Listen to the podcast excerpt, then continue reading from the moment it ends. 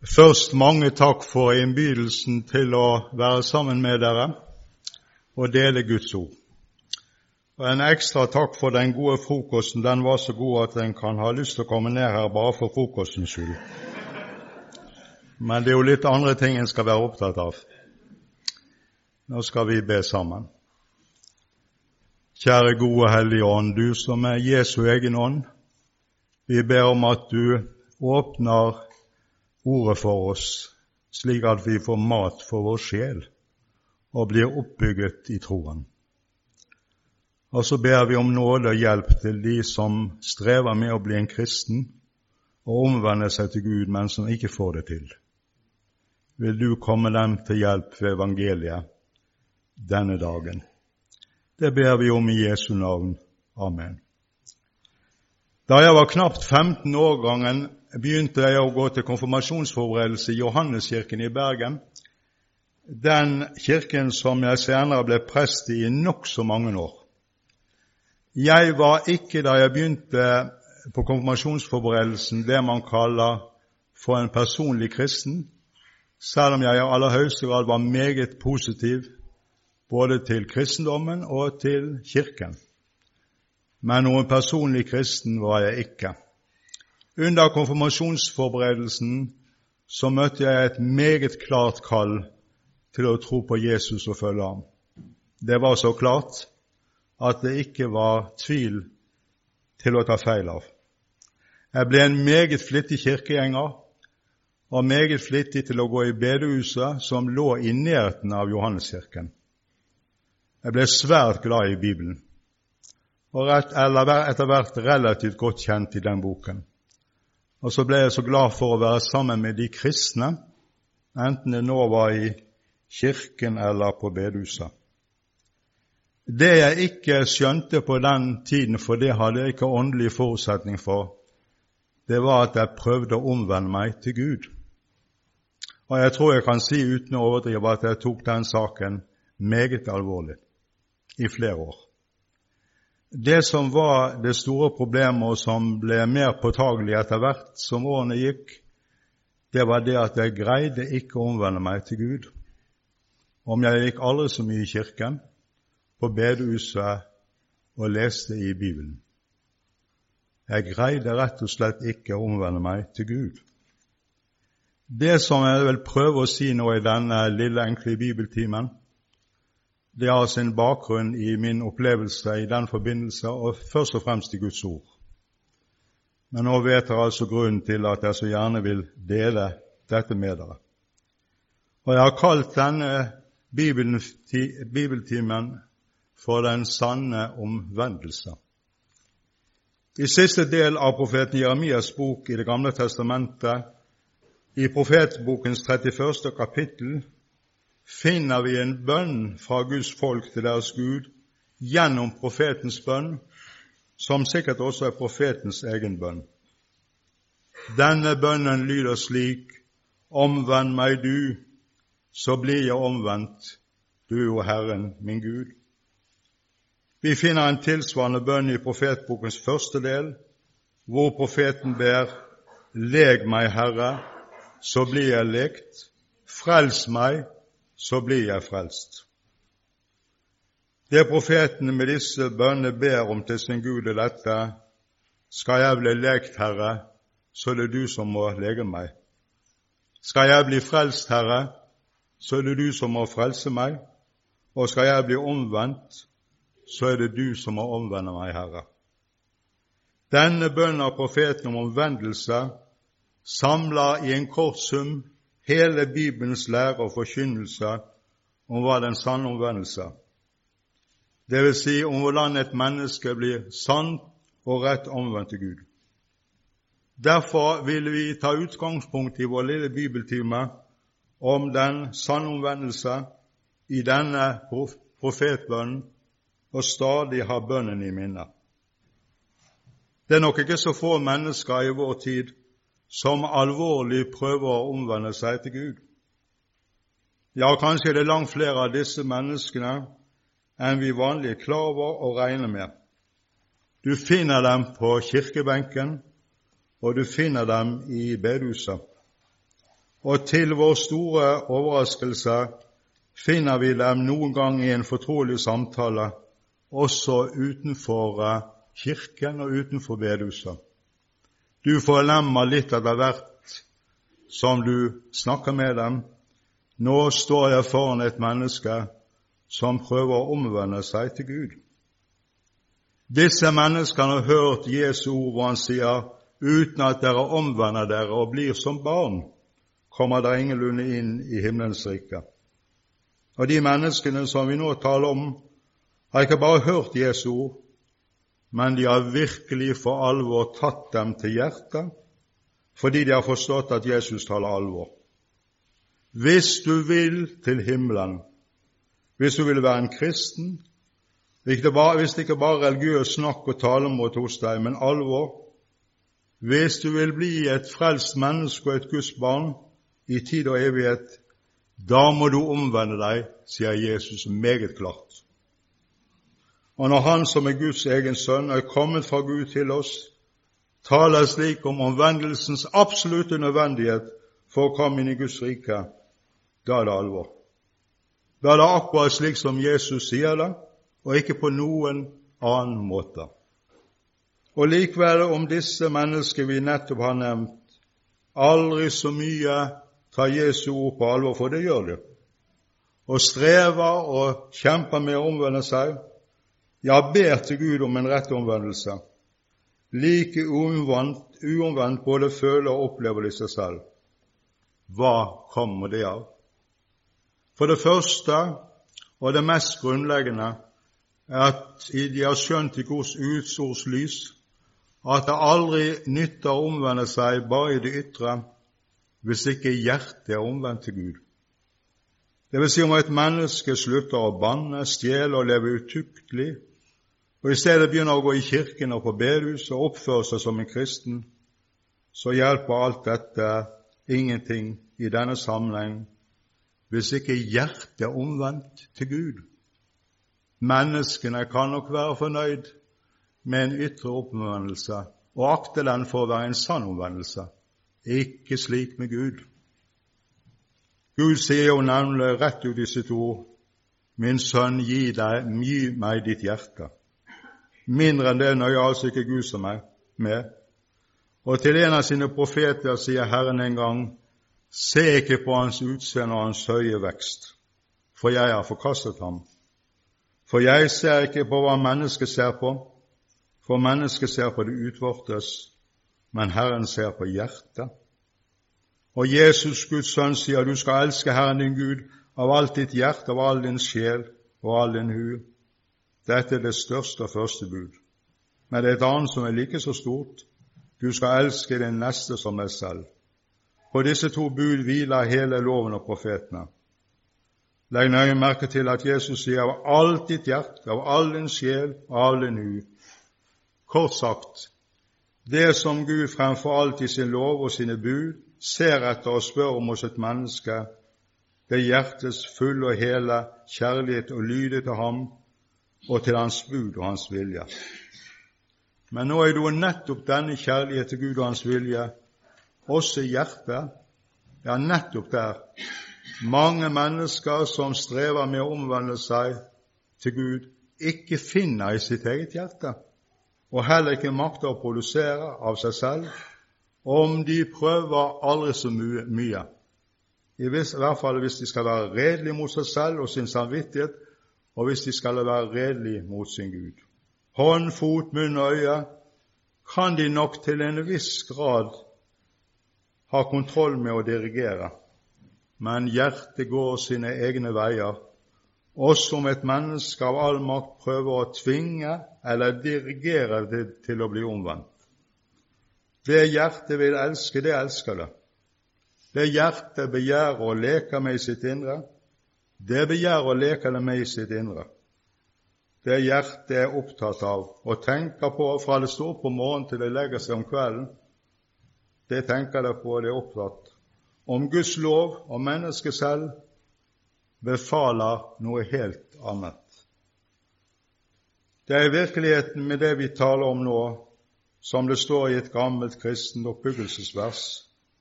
vårt hjerte er vel ringe.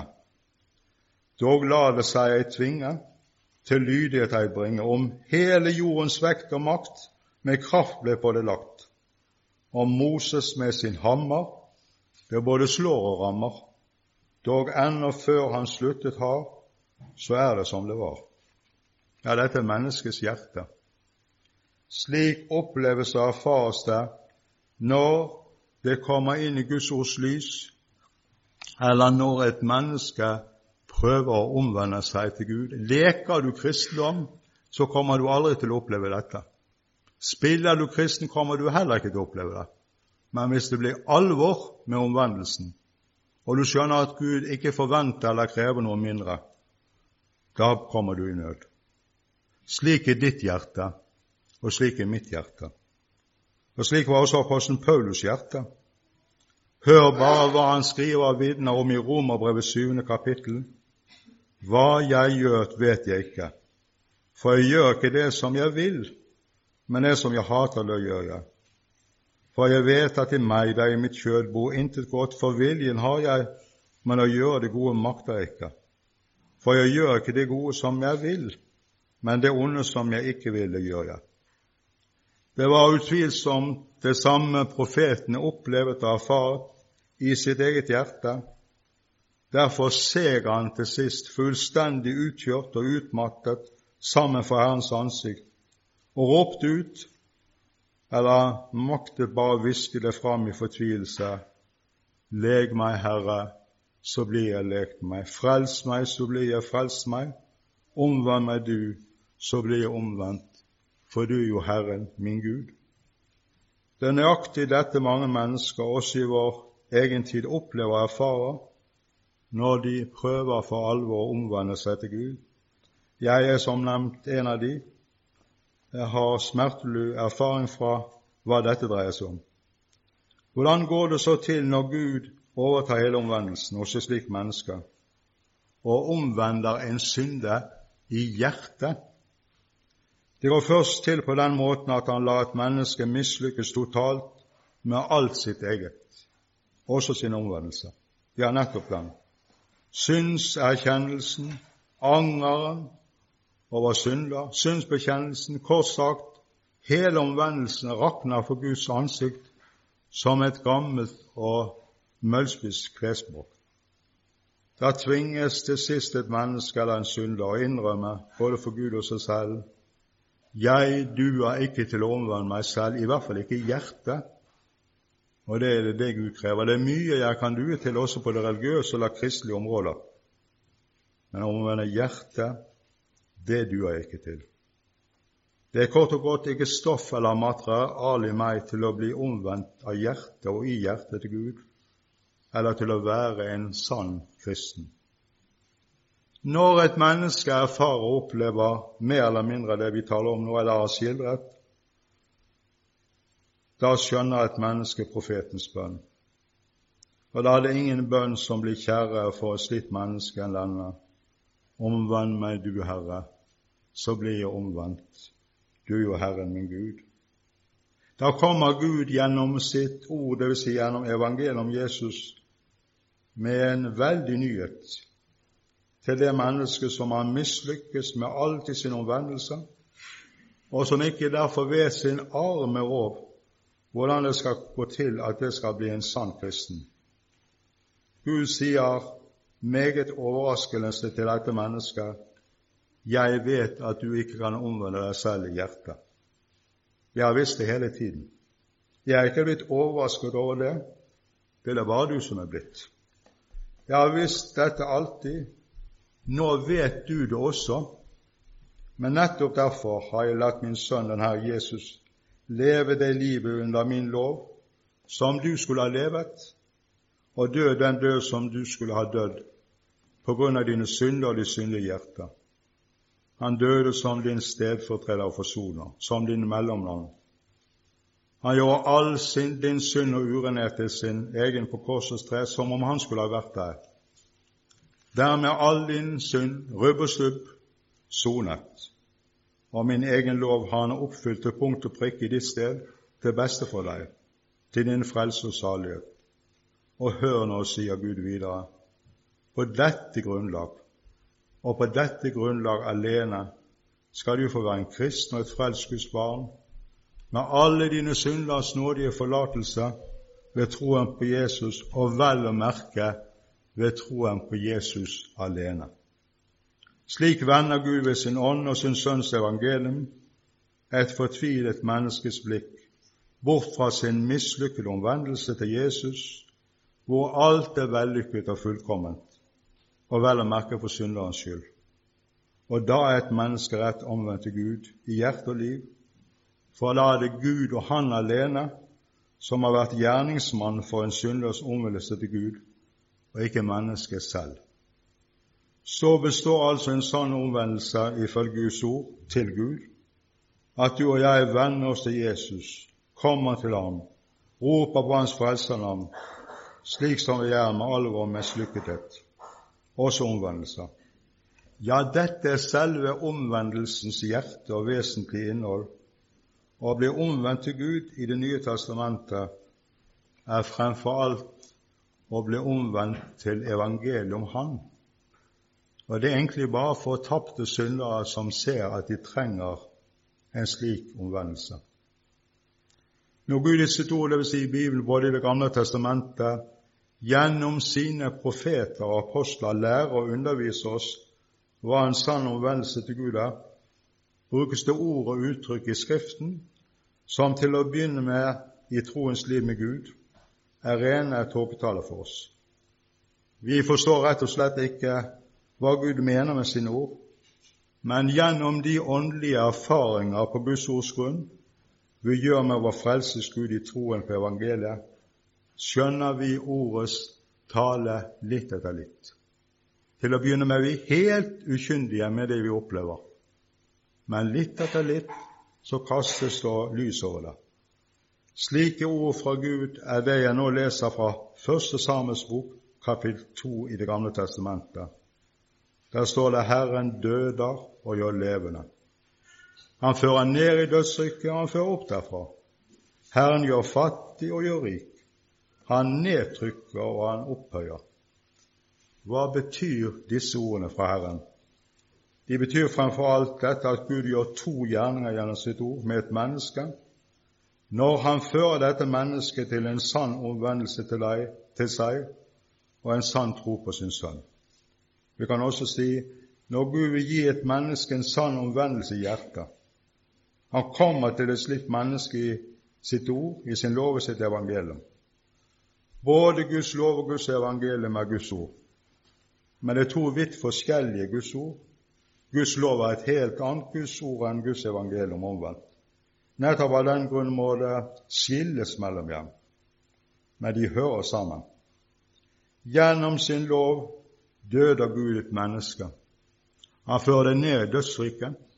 Han gjør det fattig, og han nedtrykker det. Det er det siste et menneske vil være med på og nettopp et religiøst menneske. Men det er det som må til for at det skal bli frelst og salig, og for at det ikke bare med munnen, men med hjertets overvisning skal skjønne det er en jeg har mer bruk for enn noen annen, og han heter Jesus. Og så begynner de å rope på ham. Gjennom evangeliets ord derimot gjør Herren en annen gjerning hos og med et menneske. Han gjør et menneske levende, han fører det opp fra dødsriket.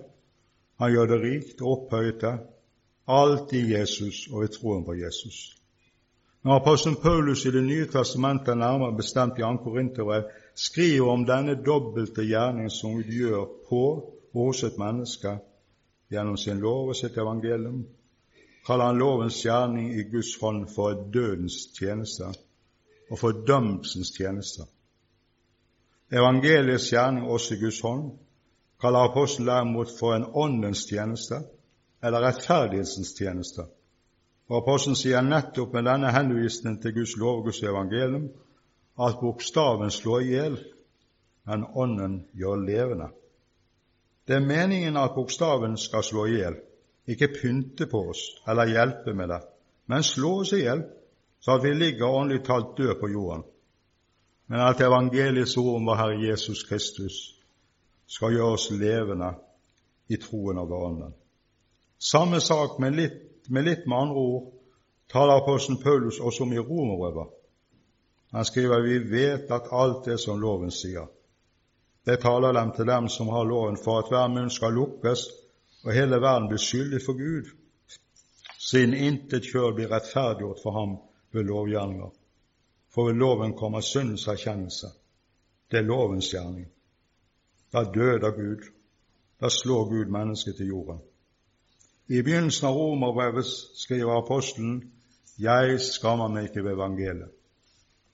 For det er en Guds kraft til frelse for hver den som tror, både for jøde først og så for greker. For i det åpenbares Guds rettferdighet av tro til tro, som skrevet er den rettferdige ved tro skal han leve. Dette er evangeliets vidunderlige gjerning. Mennesket er blitt slik etter syndefallet at det tror om seg selv, at det kan omvende seg til Gud hvis det bare vil og ber Gud om hjelp til det. Og Gud må jo være så takknemlig for at vi ber om en slik hjelp.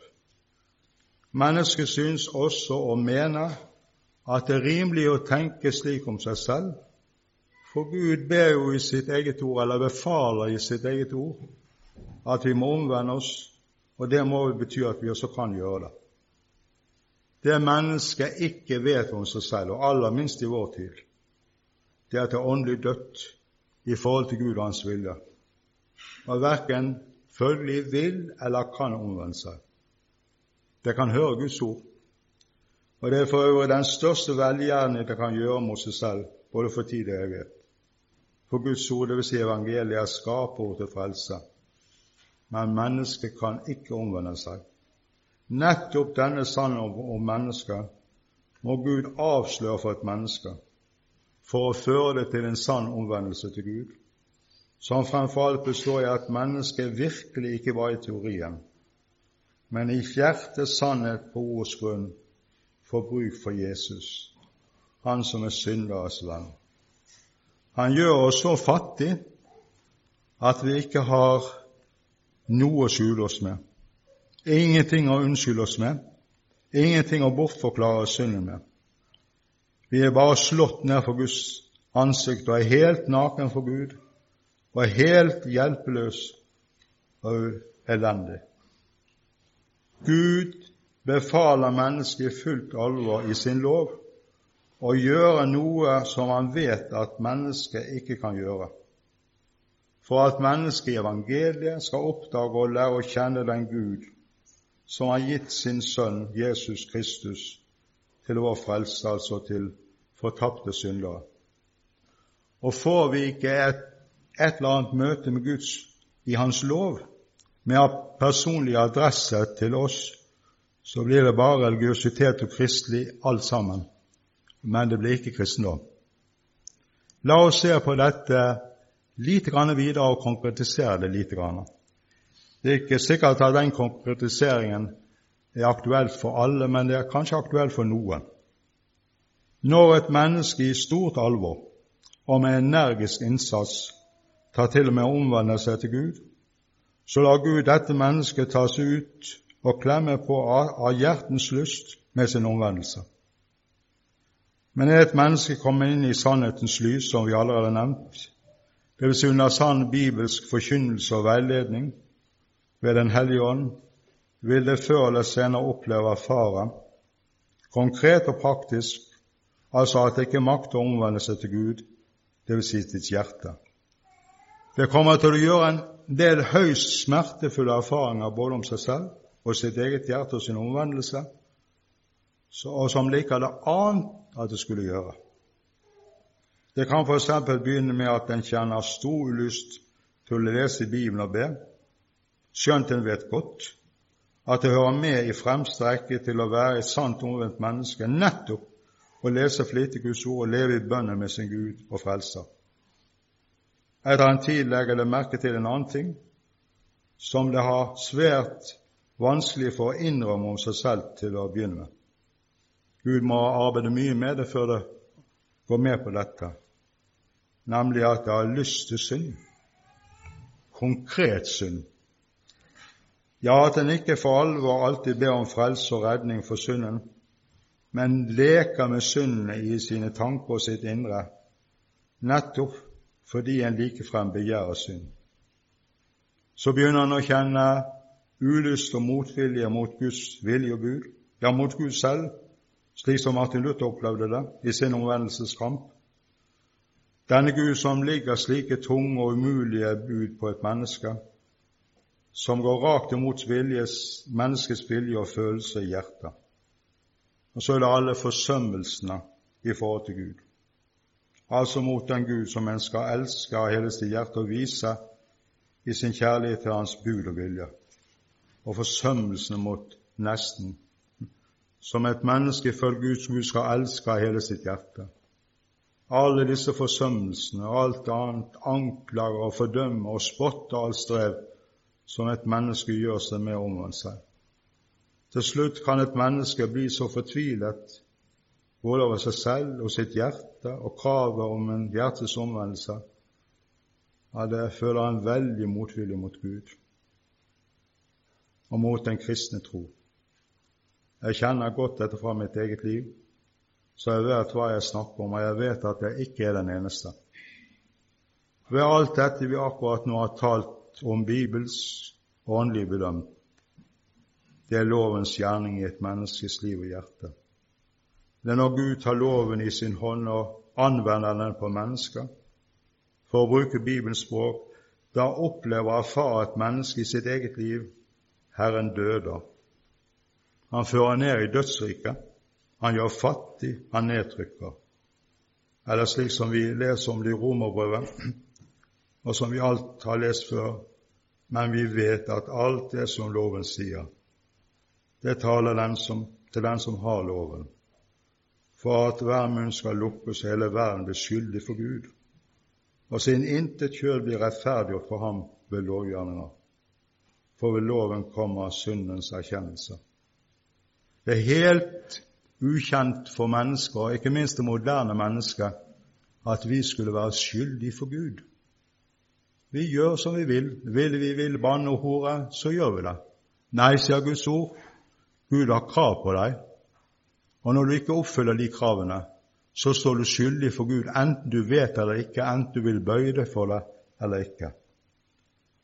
Da er loven i Guds hånd blitt en hammer som knuser hver bit av vår omvendelse, og vi kan føye til vår egen rettferdighet og fromhet. Er Guds lov i Guds hånd et speil som viser meg hvem jeg er i mitt gamle menneske. Jeg leser det ikke bare i en oppbyggelsesbok eller i Det nye testamentet, som er svært verdifullt, men jeg opplever det eksistensielt i mitt eget liv i møte med Guds ord. Heller ikke dette liker jeg å innrømme.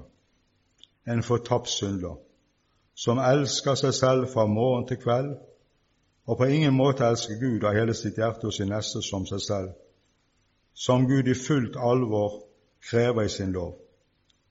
Men hvis nå et menneske i stort alvor, og så godt det kan, med mye arbeid og strev, prøver å omvende seg selv, så må vel den gode Gud forstå et menneskes situasjon og være fornøyd med det. Ja, slik tenker både fariseerne i oss og utenfor oss. Og blir du eller jeg fanget i den slags tanken, så eier vi ikke en sann omvendelse til Gud, verken i hjerte eller liv, men en fariseomvendelse som fører oss bort fra Gud og troen sammen med Han for tid og evighet. Gud mener nøyaktig det han sier i sin lov. Gud taler alvor når han i sin hellige nikjærhet krever av mennesket at det skal elske ham med hele sitt hjerte og sin neste som seg selv. Gud går aldri tilbake på dette. Gud firer aldri det minste på det, selv om det er nettopp det mennesket vil, og ber Gud om og er frekk nok til å prøve seg på. Det er mennesker som til sist skjønner den lovens tale og anvender den på sitt eget hjerteliv, og ikke bare for andre menneskers. Det mennesket forstår etter hvert jeg er fortapt. Det er ikke en religiøs eller kristelig teori, teori men en virkelighet at jeg er fortapt. Synder jeg meg selv, som aldri makter å omvende meg i hjertet til Gud. Hvis da et menneske ikke går bort fra Gud, eller prøver å kompromisse med Gud, Hans bud og vilje, da er det en bønn som samler hele dette menneskets dype nød, hjelpeløshet og fortapthet i sin sum. Det er profetens bønn, for å nevne det enda en gang. Omvend meg, du Gud. Da skjønner endelig et menneske eller det demrer for mennesket litt etter litt, skal jeg bli sant omvendt til Gud, og vel å merke hjertet. Da er det bare én eneste som kan gjøre og fullføre denne omvendelse i meg, og det er Gud selv. Da er stunden kommet for å gjenta det, at Gud tar et helt annet Guds ord i sin hånd og i sin munn, og anvender og adresserer det, ikke til helgene eller til syndfrie mennesker, men til ugudelige synder som elsker seg selv av hele sitt hjerte og ikke kan noe annet av seg selv. Gud begynner å tale om sin sønn, den Herre Jesus Kristus, til dette mennesket. Det vil si om Guds lidende tjener gjennom profetens munn. Profeten peker på Jesus for synder og sier sannelig våre sykdommer han tar på seg, og våre piner har han båret. Men vi aktet ham for plaget, slått av Gud og gjort elendig. Men han er såret for overtredelser, knust for våre misgjerninger. Straffen lå på ham, på Jesus, for at vi skulle ha fred, og ved hans sår har vi fått legedom. Vi får alle vel som får. Vi vendte oss hver til sin vei, men Herren lot våre alles misgjerninger ramme ham. Og gjennom sin apostel i den nye pakt taler Gud videre til synderen og sier:" Han som ikke visste synd, har Gud gjort det synd for at vi ham skal bli rettferdige for Gud. Gud taler gjennom evangeliet så til synderen og sier alt det du skulle ha vært og gjort ifølge min lov, men aldri kunne være å gjøre, det har min sønn den Herre Jesus Kristus gjort i ditt sted til beste for deg. All din synd i hjerte og liv, husket og glemt, stor og liten etter menneskelig mål, aktuell synd og hjertesynd har Jesus tatt på seg, som om det skulle ha vært hans eget alt sammen, båret opp på korsets tre, forsoningens tre, og gjort soning for det for din skyld, med sitt blod og sin død. Til sist ropte han ut, det fullbrakt, og det er for deg det er fullbrakt. Alt, absolutt alt, som skal til for at du kan stå i nåde hos Gud, eie syndernes forlatelse for hele ditt liv og være et frelst det har Jesus fullbrakt eller fullført i ditt sted. Og alt dette skal være ditt ved troen. Hører du det? Det er virkelig sant. Det skal være ditt. Hva er det Gud gjør med en synder når han taler slike ord? Han gjør det levende. Han føder opp av dødsriket. Han gjør det rikt. Han opphøyer det. Han rettferdiggjør det ved troen alene for Jesus skyld. Hvordan var det galaterne som vi hører og leser om i et av apostelen Paulus' brev i Det nye testamentet, kom til tro på Jesus og ble frelst? Vi kan ikke så godt spørre hvordan var det galaterne ble omvendt til Gud i hjertet. Det svarer apostelen selv på i sitt brev. Han spør dem på bakgrunn av deres erfaring av forkynnelse av evangeliet. Dere uforstandige galatere, hvem har forgjort dere eller forhekset dere? Dere som har fått Jesus Kristus malt for øynene som korsfestet. Dette vil jeg få vite av dere, var det ved lovgjerninger dere fikk ånd, eller ved troens forkynnelse? Galaterne visste svaret på det spørsmålet ut ifra troens erfaring med evangeliet. Da apostelen kom til dem og malte Jesus Kristus for øynene deres som korsfestet, pekte på Jesus Vitnet sa i ham og hele hans gjerning, for det er hele hans frelse og salighet, og intet annet. Da tente troen i deres hjerte på evangeliet og på Jesus. Da fikk de Den hellige ånd, da fikk de troen, da ble de omvendt til Gud i sitt hjerte. Hva var det de gjorde? Var det noe de fant på av noen triks? De gjorde ingenting annet enn å sitte og høre evangeliet om Jesus, sånn som du gjør nå. ikke noe annet. De satt og hørte og opplevde at apostelen pekte på Jesus til frelse for dem. Slik er det alltid. Slik tennes alltid troen på ham i en synders hjerte. Slik får alltid en synder Den hellige ånd i hjertet. Slik blir alltid en synder omvendt til Gud, til Jesus av Gud selv. Da Martin Luther, vår kirkesreformator, slo opp sine berømte setninger eller teser på Slottskirkedøren i Wittenberg allehelgenssøndag 31.10.1517, hadde han formulert den første setningens begynnelse slik Når vår Herre Jesus Kristus sier 'gjør bot, har han villet at den kristnes hele liv på jorden skulle være en bot. Vi kan også med rette oversette det slik når vår Herre Jesus Kristus sier 'omvend dere', har han villet at det kristnes hele liv på jorden skulle være en omvendelse. Når et menneske er blitt omvendt til Gud ved troen på Jesus, begynner de ifølge Guds ord å gå på omvendelsens vei sammen med Frelseren. Den kjente svenske biskopen som nå går bort, Bo Gjerts, har en gang sagt at gamle Adam dør ikke ved presteordinasjon, og det skal være sant hvis det er prest og jeg vet hva han snakker om. Vi kan også med full rett si at gamle Adam dør ikke ved omvendelsen til Gud. Det vil si Et menneske slutter ikke med å være en synder fordi det er blitt omvendt til Gud. Tvert imot. Da først skjønner og erfarer et menneske dybden i den bibelske sannhet om det å være en synder for Gud. Nettopp av denne grunnen går en kristen dag for dag på omvendelsens vei sammen med Jesus. La meg til sist i denne bibeltimen nevne det som etter Guds ord er det vesentligste ved det å gå på omvendelsens vei sammen med Frelseren. For det første, og det grunnleggende, at jeg stadig blir enig med Gud når Han taler til meg om min synd, altså ikke om andre sin synd, men om min egen synd. I Lukas evangeliums syvende kapittel leser vi og all folket som hørte Jesus og tolleren, de ga Gud rett, men fariseerne og de lovkyndige gjorde Guds råd til intet for seg. Å gjøre Guds råd til intet for seg består i at en kristen begynner å fuske med å leve i lyset for Guds ansikt med sin synd.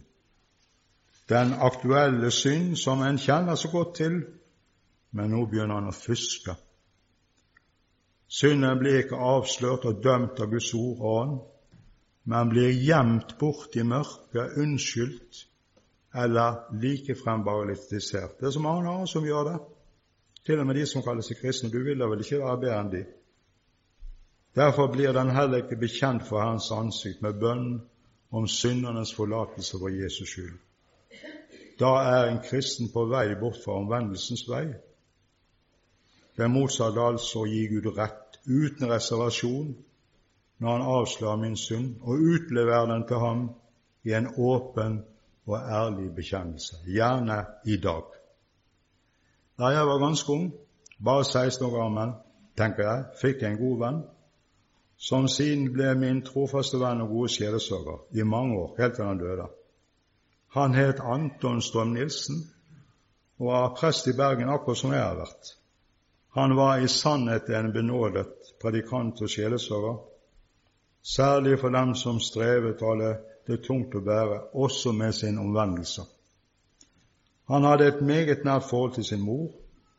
Da hun lå og skulle dø, foregikk følgende samtale mellom dem på det bergenske tungemål som de begge behersket fullkommen. Anders Strøm Nilsen sa til henne, hva har du gjort med synden dine, mor? Og hun svarte også på bergensk, han har fått de etter hvert. Jesus har fått syndene mine etter hvert. Det å vandre omvendelsens liv med Jesus. Kan du si det samme, du som nå sitter her nede, og kan presten eller predikanten som står på prekestolens side? Da vandrer, vi omvendelsens vei med Jesus, og er, da er vi hjerteomvendt. For det andre å gå på omvendelsens vei med Jesus er stadig å bli enig med Gud og dermed evangeliet, at en kristen og et frelst Guds er og blir bare for Jesus skyld. Bare for intet, bare uten betaling av noe slag, bare ufortjent, bare nåde, bare på grunn av det fullvakte frelsesgjerning. Det går opp og ned med meg som kristen. Jeg måtte lyge mye hvis jeg sa det motsatte. Det går ikke opp og ned med Jesus. Det går ikke opp og ned med det han har gjort for meg. Det er fullført, og det er for meg, som om jeg skulle være det eneste mennesket i Bergen og i Norge og i hele verden. På det grunnlaget så får jeg være en kristen. Det betyr at jeg også er en kristen når det ikke går særlig godt for meg å være en kristen rent ytre sett. For grunnlaget for at jeg får være en kristen, det ligger ekstra oss, så de gamle lutherske lærefedrene uttrykker seg levde utenfor meg. Er utenfor meg. Å leve omvendelsestid med Jesus, det å leve av nådens milde Guds kirke og menighet på jord. En kristen, et menneske med sant omvendelse til Gud, lever ikke troens liv av alle slags viljebeslutninger, religiøse impulser og opplevelser, heller ikke på det som kalles gode forsetter. En kristen lever i troen av nådens midler. Det vil si troen blir bevart, nært og får sin vekst gjennom nådens midler. Først og fremst gjennom det forkynte og leste evangeliet om Jesus Kristus. Der har du maten. Der har du egentlig alt. Det er dette apostelen Paulus skriver om bl.a. i første Korinterbrev med følgende ord.: Jeg kunngjør dere, brødre, det evangelium som jeg forkynte dere, som dere tok imot, som dere står fast i, som dere ble frelst ved, om jeg forkynner dere det, så fremt dere ikke forgjeves å komme til troen. For jeg overga dere blant de første ting, det som jeg selv mottok, at Kristus døde for våre synder etter Skriftene, at han ble begravet, han oppsto på den tredje dag etter Skriften. Sangene i bedehuset, sangboken, synger om det samme evangelium med enkle ord, full av evangelisk substans. Nå må du høre. Fortell det gamle budskap, det beste som jeg vet, om Jesu makt og nåde, om Hans kjærlighet. Fortell det riktig ofte, jeg glemmer lett igjen, for morgendagens friskhet ved middagstidsvantrenn. Fortell det jevnt og stille, men legg dog alvor til. Husk på en synder som Jesus frelser ved. Det bor en gammel fariseer hos enhver kristen, og han kommer til å bli boende der så lenge en kristen lever i denne verden. For denne gamle fariseeren er ett med vår gamle syndige natur. Han er en veldig predikant. Jeg skulle ønske jeg var så flink til å preke som han, men det er jeg nok ikke. Men han er en veldig predikant. Og det han først og fremst preker i en kristens hjerte, er at du og jeg er en kristen bare så lenge som vi føler oss som en kristen, opplever oss som en kristen, og synes vi får det til å være en kristen etter lovens mål. Det vil si så lenge som vi lykkes menneskelig talt å leve som en kristen. Låner vi øret til denne predikanten, mister vi snart vår kristne formodighet og blir treller under loven igjen. Også av den grunn trenger vi flittig å høre evangeliet, om igjen, om igjen. Minner oss om at du og jeg får være en kristen og et frelst barn av en eneste grunn, fordi det har lykkes for Jesus å være vår frelser og forsoner. Der har du grunnen, og ingen annen sted. Så lever det omvendte mennesket sin dåp. Der har han veldig trøst i dåpen og vil ikke drømme om å forakte eller ringeakte dåpens bad. Jeg vet nemlig ut ifra Guds ord at i dåpen handlet Gud med meg til frelse og knyttet de største løfter til den dåpen i den hellige treenige i Guds navn, som Gud ikke kommer til å svikte, hvor Han i fullt alvor lover å være min frelsesgud og min trofaste Far, så sant jeg holder meg til Hans Sønn Jesus Kristus i troen. Så står pakten ved lag. Og ikke minst lever jeg et sant omvendt menneske av den hellige nadver, vil si av nådens spor til syndernes forlatelse. Derfor er et sant omvendt menneske en flittig gjest ved nådens bord, helt likegyldig om det er i kirken eller i bedehuset. Hovedsaken er at jeg møter opp når nådens bord er dekket. Skjønt jeg etter hvert kjenner meg selv og min synd så godt at jeg vet det finnes ikke en eneste grunn i meg til at jeg kan nærme meg dette bordet og ta imot bordets gaver. Allikevel får jeg lov å gjøre det. Fordi nadværen er ikke et premiebord for vellykket kristendom, men et nådens bord for syndere som kommer til Jesus med sine synder, og stadig fortsetter å komme til Jesus med sine synder. Av denne grunn er det så bibelsk rett og godt det råd Martin Luther ga kristne når det gjaldt å gå til nadværen. De ble kanskje forferdet over det de hørte. Det ble de nokså ofte når Martin Luther talte, og det ble de nok denne gangen òg. Og han sa de skulle særlig gå til nadværen når de var plaget med store, stygge synder. Kanskje du også har bruk for å høre det? Alt det vi har talt om til nå, fra, fra profeten, fører oss videre til profeten Jeremias 17. kapittel. Velsignet er den mann som stoler på Herren, og hvis tillit Herren er. Han skal bli lik et tre som er plantet ved vann, og skyter sine røtter ut til en bekk, og som ikke frykter når heten kommer, men alltid har grønne blad, og som ikke sørger i tørre år og ikke holder opp med å bære frukt. Det som profeten Jeremias taler om her, kalles i Skriften for omvendelsens frukt, troens frukt eller åndens frukt. Det er samme sak, bare sett fra litt forskjellig synspunkt. Den er virket av Den hellige ånd ved evangeliet om Jesus. Og Det eneste vi skal føye til i forbindelse med, med dette, at denne frukten skal ikke plukkes av treet selv, men av Herren, som i sin store godhet og tålmodighet steller slik med treet at det bærer omvendelsesfrukt, enten når treet selv registrerer det eller ikke.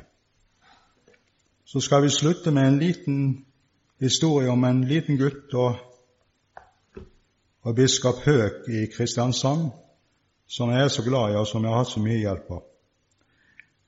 Det var jo med biskop Høek som det er vanlig med biskop at de er på visitas. Og på et slik visitas så skulle han overhøre konfirmantene som sto nedover kirkegulvet. Helt øverst på den ene raden sto det en liten gutt som ante hva som kom til å skje, og som var livende redd. Og han ba til Gud om at biskopen måtte ikke komme til ham. Den bønn, bønn hørte Gud ikke, for biskopen kom nettopp til ham.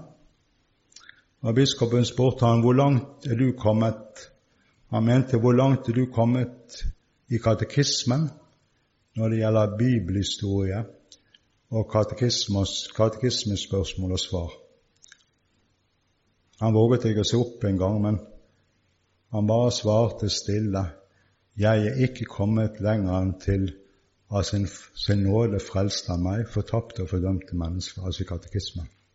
Jaså, sa biskopen, så du har altså ikke kommet lenger. Jeg skal si deg en ting, biskopen er heller ikke kommet lenger.